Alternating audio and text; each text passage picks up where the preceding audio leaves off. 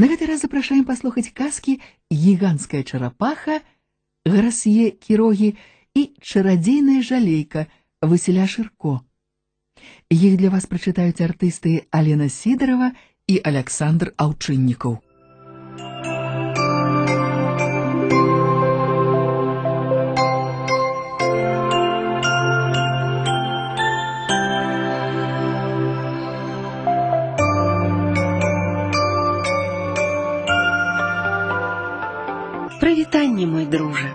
Ведаеш, калі мне было столькі, колькі табе зараз, то я штодня прасіла бацькоў падарыць мне сабаку, каб з ім можна было пагуляць, пагаварыць. Яны ж падарылі мне рыбак, якія толькі плавалі за шклом. І ўвесь час маўчалі.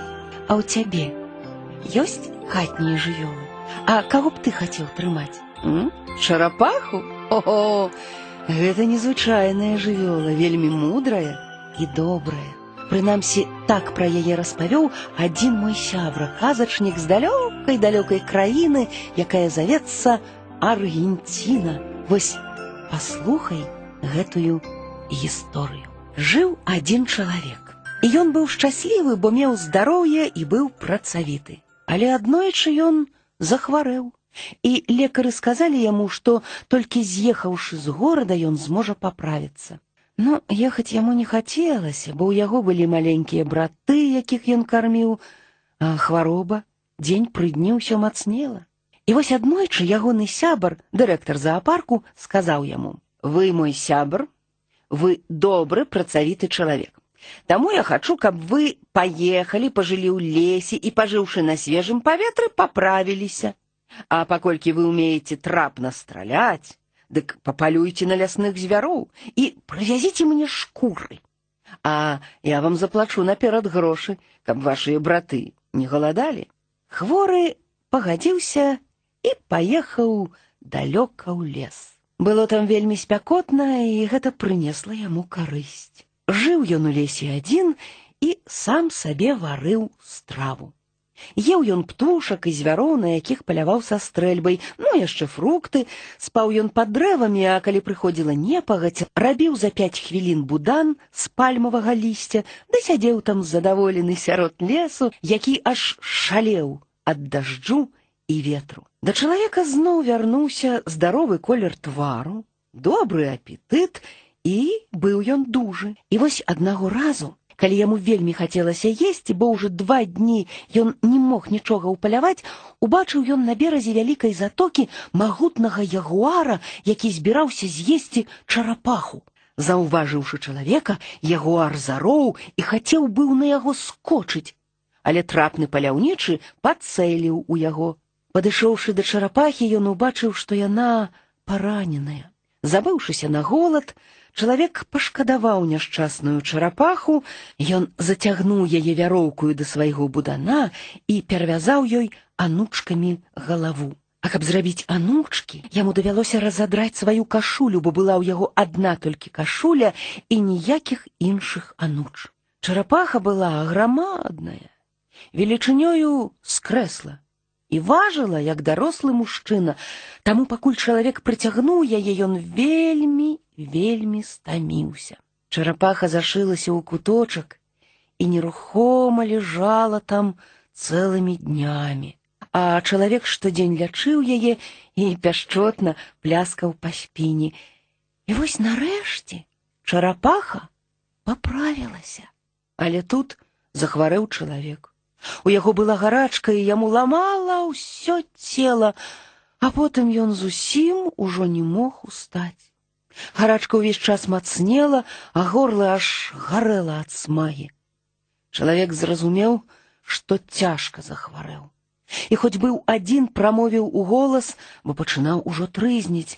Я адзін, сказаў чалавек, і ўжо не магу ўстаць, і няма нікога, хто падаў бы мне вады. Неўзабаве гарачка яшчэ болей памацнела, і ён страціў прытомнасць. Але чарапаха, чула яго і зразумела, што сказаў паляўнічы.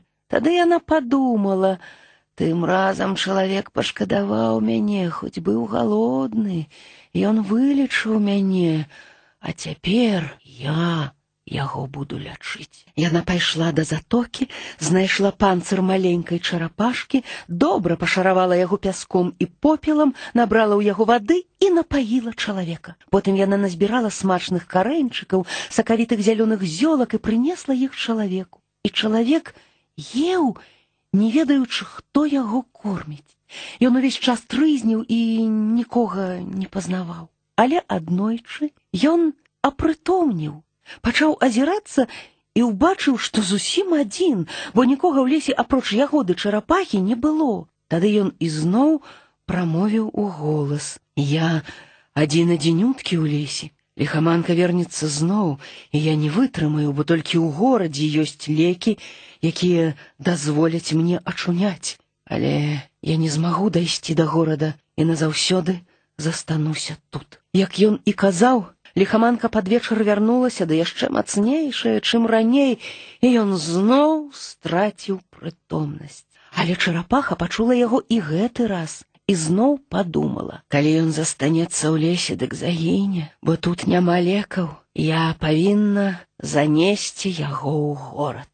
Сказаўшы гэтак, яна зрэзала тонкія і моцныя, як вяроўкі ліяны, асцярожненька ўскалала чалавека сабе на спіну і, каб не ўпаў, моцна прывязала яго ліянамі. Ёй давялося праявіць добрую кемнасць, каб не патрывожыць пры гэтым паляўнічага, але ўрэшце ўсё атрымалася, як яна хацела, і яна рушыла ў дарогу. Чарапаха ішла ды ішла удзень і ўначы яна мінала лясы, палі, пераплывала рэкі шырынёю на цэлую мілю, прабіралася праз балоты, у якіх ледзь не танула, трымаючы на сабе чалавека. Так яна ішла дзень за днём, тыдзень за тыднем. Кожны дзень яны былі ўсё бліжэй да горада, але з кожным днём чарапаха слабела, з кожным днём у яе меніла сілы, хоць яна не скардзілася, але настаў дзень, калі гаротная чарапаха зусім ужо не магла ісці.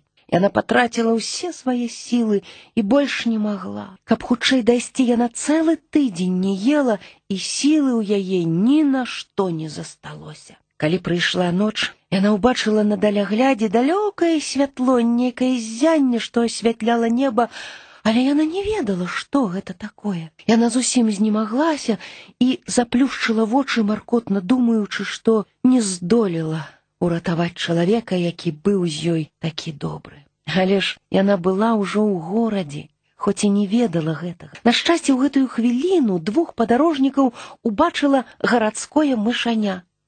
Вось дык чарапаха, здзівілася мушаня. Ніколі я не бачыла такой вялізнай чарапахі. А што гэта ты нясеш на спіне? Дровы? Не, маркотна адказала чарапаха. Гэта чалавек. І куды ж ты нясеш гэтага чалавека?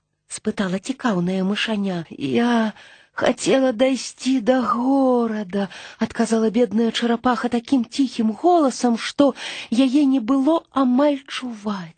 Эх ты, засмяялася мышаня, ты ўжо ў горадзе. Пры гэтых словах чарапаха адчула новыя сілы, бо яна зразумела, што ў яе ёсць яшчэ час уратаваць паляўнічага, і яна зноў рушыла ў дарогу на досведку. Дырэктар заапарка ўбачыў запэцканую і вельмі худую чарапаху, на спіне ў якой ляжаў перавязаны ліянамі чалавек. Пазнаўшы ў гэтым чалавеку свайго сябра, дырэктар сам пабег па лекі і з іх дапамогаю паляўнічы адразу ж ачуняў. Калі паляўнічы даведаўся, як яго ўратавала чарапаха, ён вырашыў ніколі з ёю не разлучацца. Але ж Ён не мог трымаць яе ў сваёй маленькай хаце, і тады яго сябр прапанаваў аддаць яе ў заапарк, дзе абяцаў даглядаць яе як сваю дачку. Так і зрабілі. Цяпер чарапаха шчаслівая, задаволеная, поўзае па ўсім садзе, скубе траўку ля клетак з малпамі. Кожны вечар паляўнічы прыходзіць да яе. Яны бавяць разам пару гадзін, і ёй заўсёды хочацца, каб ён раней чым пайсці пяшчотна, папляскаў яе рукою па спіне. А ты, мой дружа, папрасі бацькоў пайсці з табою ў заапарк. Можа быць, там жыве далёкая сваячка той чарапахі, пра якую ты толькі што пачуў. Тады перадавай ёй прывітанне ад паляўнічага і яго сяброўкі.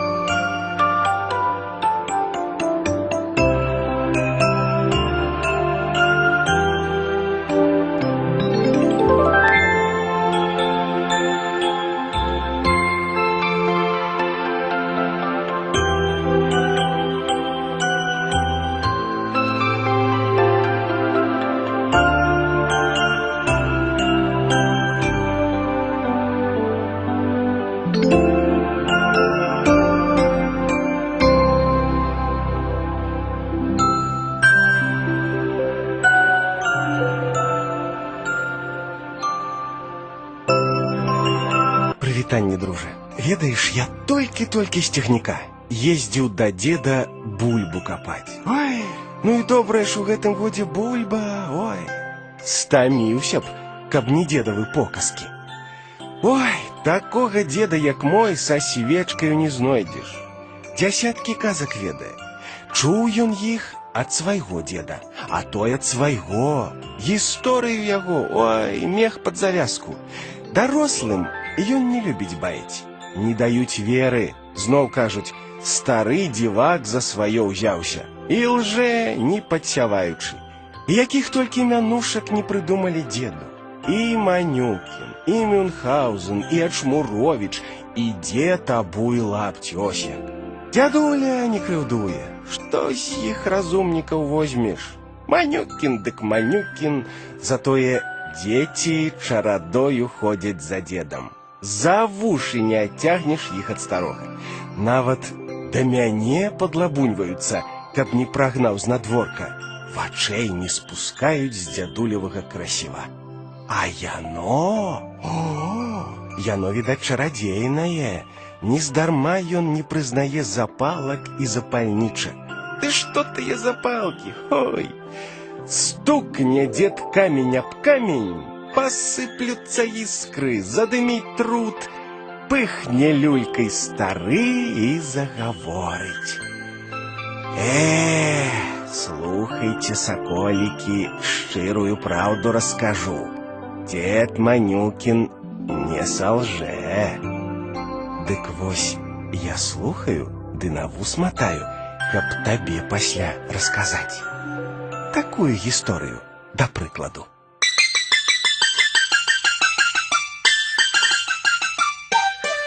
Было гэта яшчэ за панамі. На кургане пад гарадзішчам стаяў хорам. І ў тым хораме палацы жыў яснавяльможны князь Ясінскі. Золата і срэбра ў яго было, ой, хоць каўшом чэрпай. Па святах князь Ясінскі наймаў музыкаў, выпісваў кухараў ажно з хранцыі, запрашаў на баль мясцовую шляхту, ах і гулялі. Ой, За сем вёрст чулася музыка, грымелі салюты з гармат. Шляхта валявала, весялілася. Толькі адзін юнак хадзіў самотны. Высокі, статны, з адухоўленым тварам і доўгімі кужэльнымі валасамі, што хвалямі спадалі на плечы. Як толькі госці напіваліся, пачыналі крычаць, спрачацца, княжыч неўпрыкмет знікаў з бяседы. Ён спяшаўся ў сялянскую слабаду, дзе жылі і працавалі бацькавы прыгонныя. Стрым галоў, пратаптанай сцежкай ляцеў ён не, не да дзяўчыны, а да ганчара, дзе да янкі. Дзед ужо чакаў княжыча. Ён любіў яго, як роднага ўнука. Не адзін год вучыў выбіраць гліну на збаны, вазы, даводзіць яе да ладу, мачыць, мясіць, як месяць рукамі цеста ў дзяжы. Княжыч адбіраў гліну, круціў ганчарны круг, апальваў у печы збаны, гаршкі, Ён навучыўся вырабляць такія цудоўныя вазы, дудкі, свісцёлкі, што дзед дзіву даваўся. Ха, панскае дзіцё, а руки залатыя. Даведаецца яснавяльможны князь пра твой занятак, папярэджваў дзед. І быць бядзе, ой, што з мяне возьмеш? Я стары, а табе лепей бы не хадзіць сюды. Позна ці рана высачаць гайдукі, скажуць князю. Змрачнеў княжыч, але ад свайго не адступаўся. Так ці інакш, але праўду кажуць, ваду з бан носіць да пары. Нехта выдаў княжыча. Прыляцеў аднойчы князь на шалёным кані да дзедавай хаты, расчыніў нагою дзверы, я ж затросся ад лютай злосці. Ягоны сын распісваў шэнкілем вазу. Круціўся ганчарны круг, княжыч штосьці напяваў. Скруціць княжыча, звязаць астарога хлопа, на стайню двадцать пять бізуноў сыпаць. Выхапіў князь шаблю і давай малаціць ёю распісаныя збаны, вазы, жалейкі, дудкі. Бацька, адумайся, крычаў сын, ты пашкадуеш, ды позна будзе. Князь не прывык думаць. Ён махаў шабляю, толькі ужо ў палацы пачаў астываць. Змяніў гнеў на міласць, загадаў адпусціць старога майстра, сына развязаць і рана ранічкай прывесці ў кабінет. Сам лёг спаць. Княжыч аж чарнеў з гора. Так шкада было беднага деда і рукатворных жалеек і вас. Хацеў закрычаць, а голас прапаў, мову адняло. Ой, заплакаў хлопец, надта ж неспагадны да яго лёс. Не плач, княжыч, не гаруй, пачуў ён ласкавы жаночы голас. Адняў адвоч далоні, убачыў перад сабой кветку валошку, якіх так шмат у жыце. Не плач, княжыч, паўтарыла яна. Я памагу твайму гору. Толькі не крыві душой, праўду кажы. Даражэй табе багацце бацькава, ці жаданне людзей цешыць. Ой, хацеў княжыць закрычаць, сказаць, што не трэба яму срэбра золата, мур палаца, даражэй ад усяго на свеце радасць людзям несці, маляваць, ляпіць, выразаць, раскрыў рот, а словы застылі на вуснах. Ён і забыў, што анямеў. Ды валушка зразумела яго. З гэтай хвіліны усміхнулася сінькветка. У твае выявы з гліны, у фігуркі выразанкі жывая душа ўселіцца. І памятай майстра, людзі не толькі ў палацах жывуць. Сказала так валошка і растала ў паветры, толькі пахкі водар пакінула.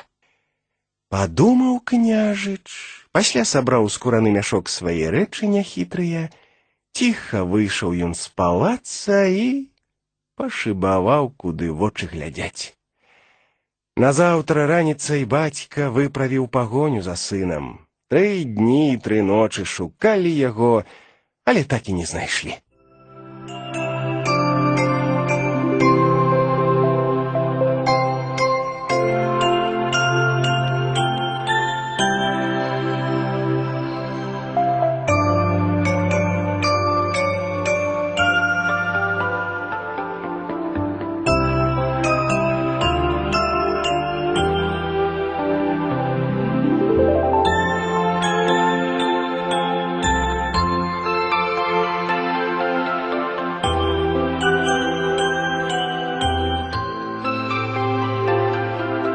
Начаваў княжыч дзецем разастане. У лесе пад вываратнем, у стозе сена, у карчомцы. Выразаў з дрэва мядзведзяў, зайцоў, лісіц, плёў лапці, кашы для грыбовы бульбы, мяняў іх у вёсках на хлеб. Людзі пасля доўга ўспаміналі добрым словам майстра. Гляне хворае дзіця на драўлянага зайца і ачуняе. А ў лапцях тых можна было сто вёрст прайсці і не стаміцца вось як. Ішоў наш княжыч ішоў, і прывяла яго дарога да невялікага гарадка з дзіўнай назвай глінішча. Гліны тут было ой шмат. Застануўся ў глінішчах назаўсёды, вырашыў княжыч. Пасяліўся, які хацеў на водшыбе ў адзінокай бабулі. Народ у глінішчах, як і ў кожным мястэчку, дасціпны. Людзі часта спынялі майстра на паўдарозе, стараліся загаварыць з ім, а ён маўчаў, толькі рукамі размахваў, паказваў нешта. Ну, тады і назвалі яго Маўчановічам. Вунь, Маўчановіч гліну панёс, казалі. Цягае і цягае, навошта яму так шмат яе? Можа, дом хоча з гліны зляпіць, ці драбіны да неба. Хм! Неўзабаве княжыч на запасе ў гліны колькі хацеў і круг ганчарны змайстраваў, і вось аднойчы прыснілася фея кветка. Я ведаю, сказала яна, сумна табе. Зрабі найперш жалейку, з яе песняй музыкай у душы свята паселіцца. Вось тады і парадуеш людзей. Ну, цэлы дзень чараваў над жалейкай Маўчановіч. З белай гліны яе вытачыў, распісаў фарбай чырвонай, апаліў у печы, ледзь астыла, да губ паднёс. І жалейка заспявала. А, ды так звонка, а, ды так весела, што аж бабуля пусцілася ў скокі, шпакі здзіўлена замаўчалі, а самому майстру захацелася як найхутчэй сесці за круг і шчыраваць, шчыраваць. Ой, слава пра Маўчановіча разнеслася па навакольных гарадах і вёсках. Адкуль толькі не прыязджалі людзі, каб купіць яго распісныя збаны і гаршкі, дудачкі, свістулькі ці паслухаць чарадзейную жалейку, ад'язджалі ад Маўчановіча з песняю сэрцы. Неяк дапяў да глінішч аканом князя Ясінскага. І пазнаў ён у Маўчановічу князевага сына. Аканом забыўся нават на збаны гаршкі, ускочыў брычку і панёсся ў гарадзішчы, каб паведаміць яснавяльможнаму прыемную навіну. Апошнім часам стары князь дужа хварэў, баяўся памерці і не ўбачыць сына. Пачуўшы ад аканома радасную вестку, князь падхапіўся з пасцелі, сам запрог коней, сеў на кослы за фурмана і пусціў тройку выязных рыссю. У глінішчах, каля карчмы, князь спыніўся, шпурнуў лейцы, а сам пешкі падаўся да бабулінай хаты. Наперадзе бег, паказваючы дарогу аканом, бо князь наступаў на пяты. Сына ён пазнаў адразу. Быў май, і той вынес свой круг ганчарны на двор. Нага круціла кола. Дужыя спрытныя рукі дакраналіся да гліны, і тая на вачах ажывала. Адухоўлены твар ганчара свяціўся. Князь не вытрымаў. Сынок, закрычаў нема, ці ты гэта? Ганчар спыніў кола, падняўся, Перад ім стаяў не грозны князь уладар, а сівы дзядок, стомлены дарогай. Бацька пачуў свой голас княжыч. «Бацька!» і кінуўся абдымаць дзеда. Ой, людзі дзівіліся, цуд здарыўся, Маўчановіч загаварыў. І яшчэ больш былі здзіўлены, калі даведаліся, што ганчар адзіны спадчыннік яснавяльможнага князя. Ну, сваю майстэрню пакінуў княжыч лепшаму вучню, які пасля ўвесь свет здзівіў, не жалейку змайстраваў, а арган з гліны, збаны, гаршкі і вазы раздаў княжыч людзям. Толькі жалейку чарадзейную захапіў з сабою. Праводзілі княжыча ўсім мястэчкам.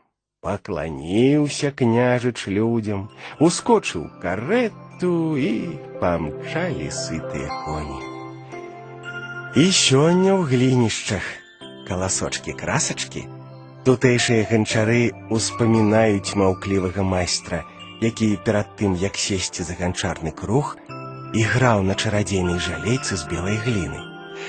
А ў разбураным гарадзішчы штогод знаходзяць незвычайныя гаршкі і збаны. Яны ой такія прыгожыя, моцныя, нібы непадуладныя часу. А ўсё таму, што ёсць у іх жывая душа.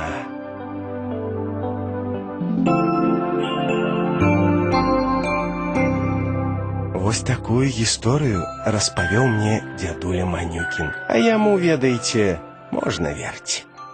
А ты, дружа, спытай заўтра у свайго дзядулі ці бабулі сваёй, можа і яны табе штосьці цікавае распавядуць.